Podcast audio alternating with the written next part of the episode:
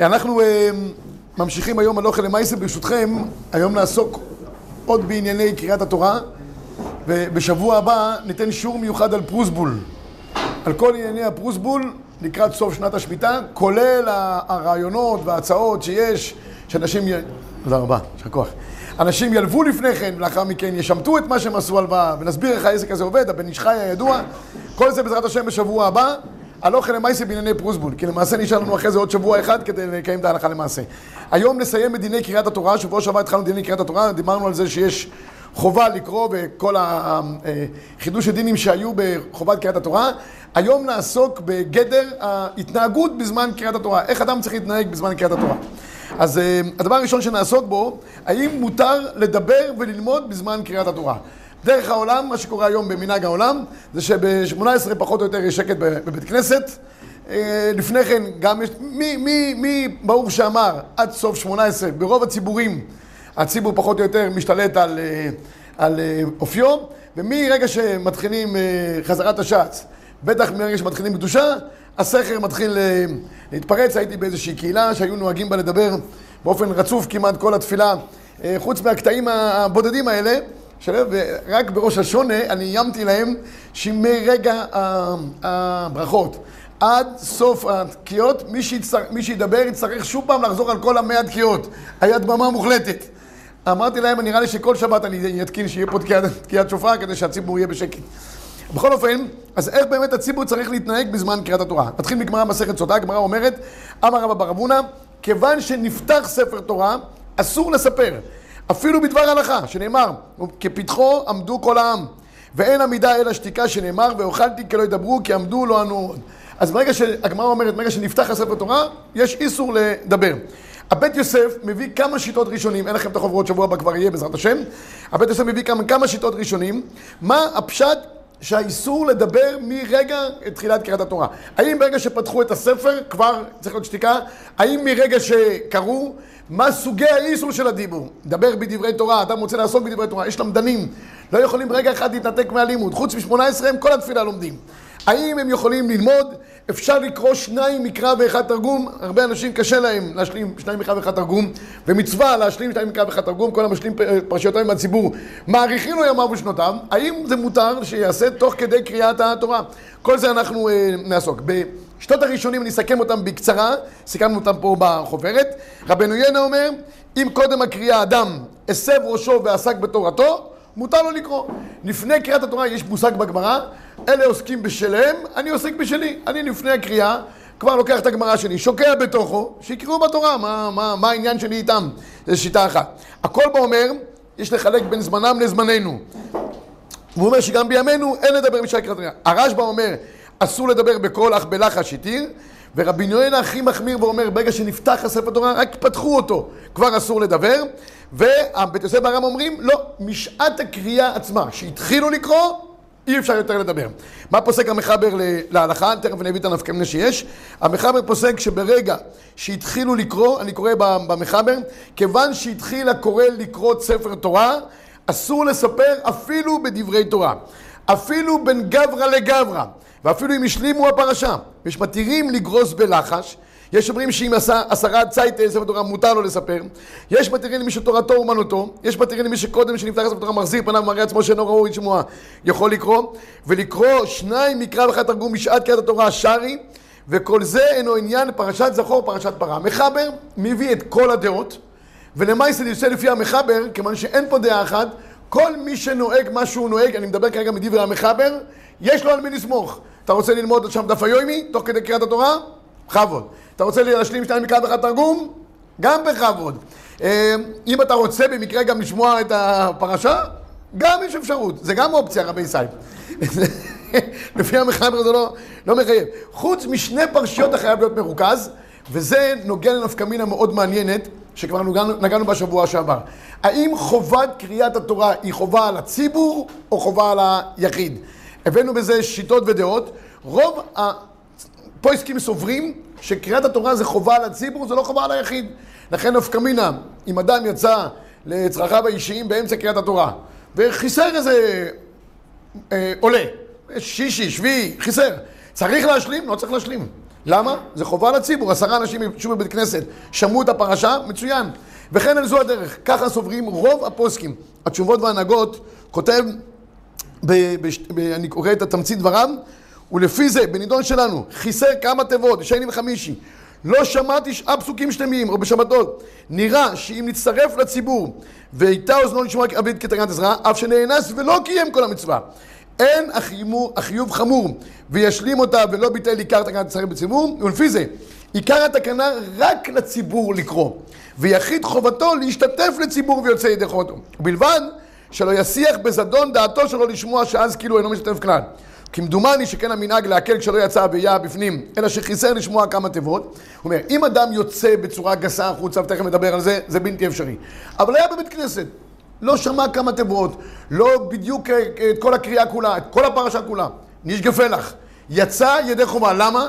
כי הציבור יצא ידי חובה. על פי מה שכותב פה תשובות והנהגות, על פי הפוסקים שסוברים שזה חובה על הציבור, גם כך גם סובר רב חיים בריסק, לכן אם אדם עוסק בדברים אחרים תוך כדי הקריאה, יש לו על מי לסמוך, כי זה חובה על הציבור.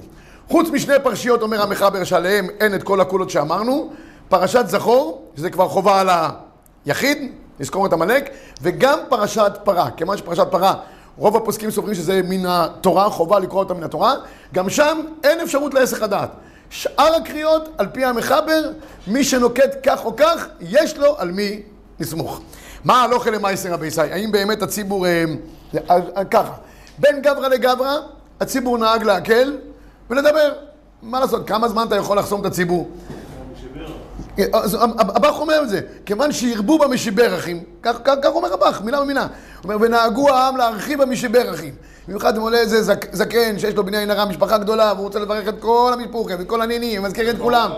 מה? ותורם הרבה, נכון, גם תורם הרבה. וכל שכן אם עולה איזה ספרדי שאת חצי מבית הקברות הוא מזכיר בעילוי נשמה כל שבת, לא יודע למה. אבל את כל בית העלמין הוא מזכיר כמעט כל שבת שהוא עולה. וגם נפש, וגם נפש, וגם נפש, וגם נפש. הנפש כבר יוצאת מרגע שהם מזכירים את הכל. אז בקיצור, כאלה שבאמת מטריחים את הציבור במשבר אחים ארוכים, או באזכרות אה, ארוכות, במקרה כזה יש על מי לסמוך, בטח לעסוק בתורה בין גברא לגברא. ואם אדם גם רוצה לסגור איזה עסק בין גברא לגברא, שמרחם, לא, זה, אני לא מתכוון לצחוק, אז תמיד הבדיחה של, של נישה בסגירת, כולם מכירים אותה מסתומה. ברון, אתה מכיר אותה? לא, אז ברב אהרון אני אחזור, אינו דומה השונה פרקו מאה פעמים. ואחת... אה? אז אני רק אתחיל כדי שתזכרו, אבל אתם מספרים שהם, בקהילה שהייתי באמת היה הרבה דיבורים בין גברא לגברא, ויותר מבין גברא לגברא, אז מספרים שאחד ניגש לחבר שלו ואומר לו בשחיס, נישה בסגרת את הרכב אתה מוכר? אז הוא אומר לו, נישה בסגרת כן, הוא אומר, נישה בסגרת בכמה? הוא אומר לו, נישה בסגרת במאה אלף. טוב, הוא אומר לו, נישה בסגרת בשמונים אתה מוכן? הוא אומר לו, לא, לא, לא, לא מוכן. טוב, ממשיכים את התפילה, ממשיכים את התפילה, מגיעים לחזרת השעת של מוסף, הוא אומר לו, נישה בסגרת ב-90 אפשר לסגור? הוא אומר, נישה בסגרת זה כבר לא אקטואלי. אז אני אומר, זה נעשה בין גברא לגברא, הדבר הזה. אבל בעיקרון, בין גברא לגברא, מי שרוצה לעכב ולדבר בדברים כאלה ואחרים, יש אפשרות בידו. כל שכן הוא מנצל את הזמן, כמו שאמרתי, ללימוד, או להשלים שניים מקרא ואחד תרגום. מה עם הברכות שאנחנו עושים היום, בין שני לשלישי או בין שלישי לרביעי? זאת אומרת, מעיקר הדין היה ברכה של הראשון ושל האחרון. אבל לכאורה הוא מוציא אותנו כדי שנוכל לשמוע את הקריאה. טוב, השאלה שלך, השאלה היא מצוינת ואני אגש שנייה אחת לגבי הברכות. יעקב שואל מה קורה עם הברכות, אנחנו צריכים לשמוע את הברכות כדי לצאת ידי חובה? אז קודם כל, נגיד את הנקודה הזאת, אדם שמברך, נתחיל קצת ברשותך, מי שמברך חייב לברך בקול רם רבי ישראל. לא לברך בלחש, כי זה, כמו שאמרנו, חובה על הציבור, לא קריאת התורה שלו הפרטית. הוא בירך ברכות התורה כבר בבוקר, אחרת איך הוא הגיע עד השלב הזה של התפילה? אז ברור שהוא כבר יצא ידי חובת ברכות התורה. הוא קורא, הוא מברך בשביל להוציא את הציבור. אגב, אני חייב להגיד, ישות, ישועות יעקב, שהוא סובר שעיקר ברכות התורה דאורייתא זה על הציבור. על הציבור, לא על היחיד. מה שקראת, ביח... מה שאמרת ברכות התורה בבוקר ביחיד, זה דרבנון. כשאתה מברך אתה בציבור, זה, ולכן חייבים לצאת ידי. מה הראייה שלו? כמעט בסוף התורה כתוב, כי שם השם אקרא אבו גודל אלוהינו. זה פסוק שנאמר בדברים, משם למדו חז"ל בגמרא מסכת ברכות בדף י"ד, ברכות התורה מניין, שנאמר כי שם השם קרא אבו גודל אלוהינו. הוא אומר, תגידי, ועד אז לא בירכו ברכות התורה? לא התחדש? מכאן ראיה, שהיה ברכות התורה, דרבונון. והברכה של הציבור היא הדאורייתא. כי מה כתוב שם בלשון רבים? כי שם השם אקרא לציבור, אבו גודל לאלוקינו, לציבור. לכן חובה שהוא יגיד קודם כל את הברכות בקול רם, וחובה על הציבור לשמוע את הברכות, ולצאת ידי חובה. אני חייב להגיד, התקנה הזאת, אולי נתייחס רגע אחד לתקנה. בתחילה התקנה הייתה שהיה אחד קורא מברך בתחילה, ואחד קורא מברך בסוף. בין לבין היו עולים. היו צריכים מאוד להקפיד, אף אחד לא לדבר באותה תקופה, כי כל, כל אחד מהציבור היה מו- מועמד לעלות, ואם הוא מועמד לעלות, הוא צריך לסמוך על הברכה של הקודם. אם הוא דיבר, אז זה נחשב כהפסק. בתקופתם היה שקט. הוא בכלל קרא, לא היה בלקוירה, זה שעלה... נכון, זה שעלה הוא גם קרא, נכון מאוד. לא, זה כמו התימנים, היום כל תימני עולה, אבל אני אומר שלקרוא בתימנית גם אני יכול, זאת אומרת, כאילו, אם הייתי יודע את זה, לא בעיה. אני צודק? לא? יש, יש טעמים באמת? שזה רק עולה ויורד? יש הרבה דיוקים, הרבה דגשים, אה. מקפידים יותר. לא יודע, אני נראה תמיד כאילו הם קצת עולים, קצת יורדים וגומרים איכשהו. היה לנו פעם מקרה שלא היה לנו בעל קוירה, אמרו תימני תעלה, אתה בטוח תוציא אותנו ידי חובה. כי כולם יודעים, כולם יודעים את הטעמים, כולם גם מכירים וגם קצת עולים ויורדים. בכל אופן, ככה זה היה פעם. הרב, קושייה לישועות יעקב קראת? כן? החיוב לדרוקות התורה הוא יומיומי. קריאה בתורה בציבור, רק שני עכשיו, חמישי. תק- תקנו רבנן לברך ברכות, דרבנון. וכשיש קריאת התורה ברבים, זה, זה הברכות של דאורייתא. הברכות דאורייתא מן התורה, מתי התורה אמרה לברך על בקוס התרא? קורא בספר. בציבור. בציבור. כן, ויש עליך חובה, אתה מברך את תפילת ידיים בקוד השחר, זה רבנן. טוב, אנחנו לא פוסקים ככה, אנחנו פוסקים להלכה שבקוד התורה שלנו כל יום אין דאורייתא, נפקא מינה בספק, אתה חוזר ומברך, לא שלושת הברכות, ברכה האחרונה, אבל זה דאורייתא. ככה הוא סבר, להגיד לכם גודל המעמד שבו ציבור קורא בתורה, זה, זה הדאורייתא כביכול. כן? הברכה השנייה שמסיימים לקרוא זה יהדות המזרח ואומרים באמת תורתנו הקדושה, זה בין הקריאה לברכה. טוב, טוב, זו עוד שאלה עכשיו שאתה מעלה, אני אתייחס לכל הדברים. אה, זה. אז, אז בקיצור, בקיצור, אז, אז מה, מה, מה יש לנו? פעם ככה היה, היה אחד עולה בתחילה מברך, אחד סוגר בסוף, הוא, דרך אגב, אותו עולה ראשון שמברך, הוא גם החותם. בין לבין הציבור היה בשקט מוחלט, כי אם הוא מדבר זה הווה הפסק. היום כבר התקינו שכל אחד עולה ומברך, גזירה, הגמרא אומרת, מפני הנכנסים והיוצאים, שאנשים יתחילו להתבלבל ויגידו, אה, כן בירכו, לא בירכו, כדי שלא יתבלבלו, אמרו, כולם מברכים, מצוין. זה נתן פתח שבין גברא לגברא אפשר לדבר. כי גם אם הוא ברך ההוא, ההוא מברך עוד פעם. וגם אם אני יקראו לי, אני אברך. אז אפשר לסמוך. ועל זה סמכו העולם לדבר, בטח ללמוד, או להשלים שניים מקרא ואחד תרגום. אבל למעשה מן הראוי, אה, לא, אני חייב להגיד מילה אחת, מה שאמרת, הספרדים מוסיפים כל מיני דברים, תמיד לפני ותמיד אחרי. הספרדים בכלל לא אוהבים להוסיף, הספרדים לא, אף פעם לא מסתפקים במה שיש. קח את ההבדלה של הספרדים, קח את ההבדלה של האשכנזים. אשכנזים, שתי פסוקים מברכים, ספרדים זה רבע שעה הבדלה, ואם אתה יוצא עם הרב עמר זה עוד, עוד, עוד 20 דקות. כל מי שברכים וכל העסק הזה. הייתה שאלה שאצל הספרדים, שמתחילים את, ה, את, ה, קריאת התורה, בראשית, היו אומרים, לפני שהוא מתחיל לקרוא, בסימנה טובה. יש ס"ט, ספרדים הרבה פעמים יושבים ס"ט. ס"ט יש לו שני, שני מובנים, או ספרדי טהור, או סימנה טובה. כל אחד לוקח את זה למקום שלו. אבל בכל אופן ס"ט. ואז הפוסקים התחילו לדון, פלפולי פלפולים. האם סימנה טובה זה נחשב להפסק? על אותו משקל מה שכבודו אומר, הוא גומר, אומר, אמת תורתנו הקדושה, ברוך אתה השם. מה, מה אמת תורתנו הקדושה? זה לא, זה לא... האם זה נחשב הפסק או לא נחשב הפסק? רוב הפוסקים סוברים שזה נחשב כהפסק. אני אגיד לכם דבר מעניין. אם כבר הזכרת את זה, אני אגיד לכם, זו השלכה אה, הלכתית מעניינת. גם אדם ששוחט, הוא צריך לשחוט, לברך, ומיד מברך, עובר לעשייתן. לפי המחבר, אם הוא לא ברך, או שעשה הפסק. תמיד אם יש הפסק בין הברכה לבין המייסה, נגמר. עוד מעט קריאת שופר, בעזרת השם. אדם מנסה לתקוע בשופר, לא הולך לו. אז יש כאלה שלוקחים את השופר ומתחילים לעשות כל מיני סגולות בתוך השופר. צועקים עליו, וזה וזה. יש סגולה להגיד, ייגר בך על שם השטן. בתוך השופר הוא אומר, ייגר בך יאללה, תלך מפה. עכשיו, אמרת את זה, הפסק. אם כבר התחלת לקרוא, עשית את המייסה ואחרי זה הפסקת, נשגפה לך. אבל אם בין הברוכה לבין המייסה דיברת, הפסק. השטן בורח הכי טוב אם אתה שם קצת מים ל- לשופר. הוא מאוד מפחד ממים, השטן. שים לו קצת מים או יין, הוא בורח משם. לא לדבר. אם דיברת זה הפסק, צריך לחזור ולברך. אז בשחיטה היה אותו דבר. מה היה בארצות אה, אה, ערב? המוסלמים, הם מקפידים, לפני שהם שוחטים, להגיד אללהו אכבר. זה, זה הברוכה שלהם. אללהו אכבר, נותנים לו מכה על הראש, והם אה, אוכלים. יש שם, זה נקרא תפלל, מנל, יש להם איזה... בקיצור, הם, הם, הבהמות שה- שהיו טרפה, למי נותנים אותם? למוסלמים. אז המוסלמים אמרו, אנחנו הולכים לקחת רק אם אתם בירכתם לפני כן על הוואכבר. טוב, אז מה היו עושים? היו מברכים את הברכה, והיו אומרים על הוואכבר. רצו בהתחלה להגיד את זה לפני הברכה, אמרו להם, המוסלמים אמרו לו, זה הפסק. זה הפסק, מה אתם אומרים על הוואכבר אחרי זה מברכים? זה צריך מברך עובר לעשייתן? אז אמרו, נעשה אחרי כן, אמרו, זה לא, לנו זה הפסק. מה, אתה אומר בין ברוך אתה השם על השחיתה לבין אה, השחיטה על הוואכבר זה הפסק.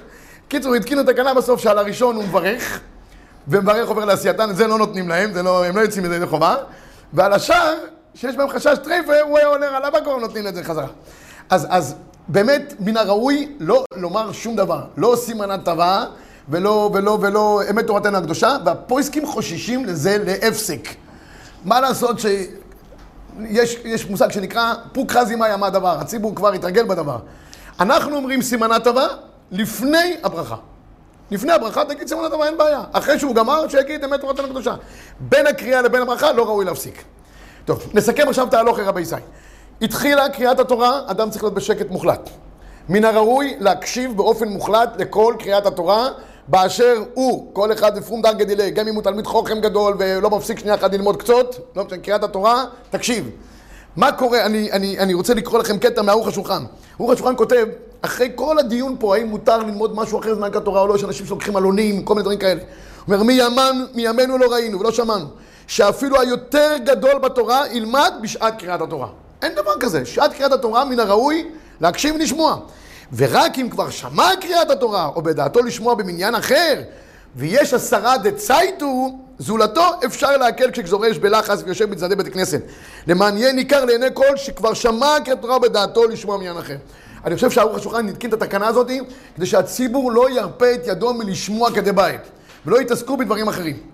מה קורה לגבי שניים מקרא ואחד תרגום? מי שרוצה לכל אופן לסמוך על, ה, על, ה, על הבעל קוירה, הדבר היחיד שאפשר לעשות וזה העצה הייעוצה, יקרא עם, הש, עם, עם בעל קוירה את הקריאה, בסוף ישלים את הקריאה פעם נוספת ואת התרגום, כדי שיהיה שניים מקרא ואחד תרגום, אחד בזמן הקריאה, עוד אחד לאחר מכן ואחרי זה תרגום. יש לי עוד הצעה, במקום בין גברא לגברא לבלבל את המוח ולדבר עם הסובבים אותך, בזמן הזה שעושים את המשבחים, במקום לדבר או דברים אחרים, תשלים את הקריאה שוב פעם ואת התרגום, ככה שכל עולה אתה מספיק להשלים. בדרך הזאת קוראים אה, קריאה רצופה, קריאה רצופה, תרגום רצוף? כן, כן, רצוף. יש עוד עצה ששמעתי בשם אברהם שפירא, לא ראיתי את זה, אבל שמעתי את זה משמו. הוא אומר שמי שהוא שומע מפי השליח ציבור וקורא בעצמו בזמן הקריאה, הוא כבר יצא ידי חובת שני קריאות. למה? אחד הוא קרא, שניים שומע כהוינה. אז כבר שניים. ונשאר לו בין גברא לגברא רק להשלים את התרגום. רבותיי, כל זה עצות טובות, רק למי שאין לו זמן והוא תלמיד חוכם גדול ולומד כל יום שישי וכניסת שבת וכולי. מן הראוי להשלים את פרשיותיו עד כניסת שבת. מי שיש לו אפשרות לשבת בשקט, כך נוהגים אחינו הספרדים, יום שישי בבוקר, לא הולכים לשום מקום אחרי התפילה, לא אומרים לשום מקום, יושבים עם כוס ננה, תה עם ננה, ומשלימים את כל שניים מקרא ואחד תרגום, על פי חוק לישראל זה מאוד מסודר. היום יש כבר ספרים מסודרים, אומרים לך שניים, אתה לא צריך לעבוד קשה בכלל, לא צריך לזכור שצריך עוד פעם. שניים מקרא נותנים לך את התרגום ביניהם, ואתה ככה משלים פרשיותיו עם הציבור, וכל המשלים פרשיותיו עם הציבור מאריכים לו ימיו ושנותיו. טוב, זה לגבי העניין הזה של ה... בבקשה, בכבוד. הדבר הזה לפעמים כשאנשים קוראים יחד עם הקורא, זה יכול להפריע, במיוחד בבית כנסת קטן, אז אה, אני חושב שזה גם לא רק שזה מפריע לציבור, יכול להיות שאחרים לא יוצאים ידי חובה גם. בסוף הם שומעים ידי חובה מההוא, יש אחד נודניק שמרים את הקול שלו, והבעל קורא נהיה טפל לו. כן, זו הערה חשובה הדבר הזה.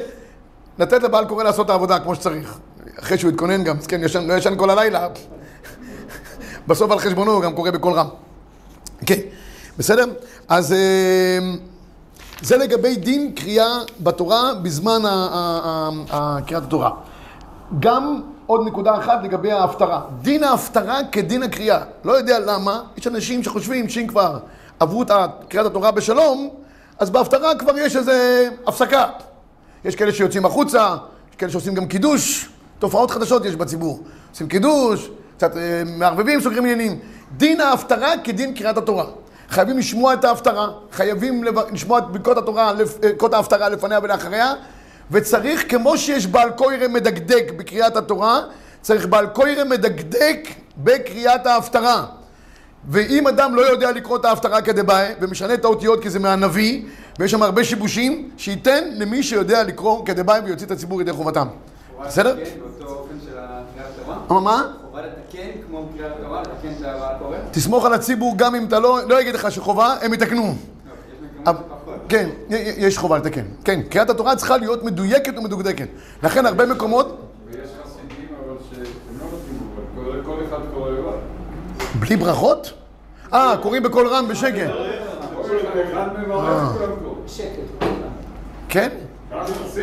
על חסידים אני לא שואל שאלות.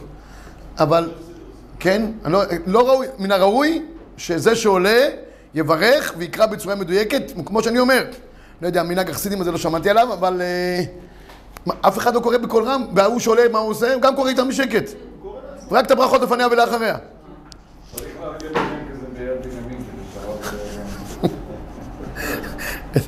טוב, הדבר הבא, רבי ישראל, שניגע בו, דבר אחרון, זה לגבי העניין של יציאה תוך כדי קריאת התורה.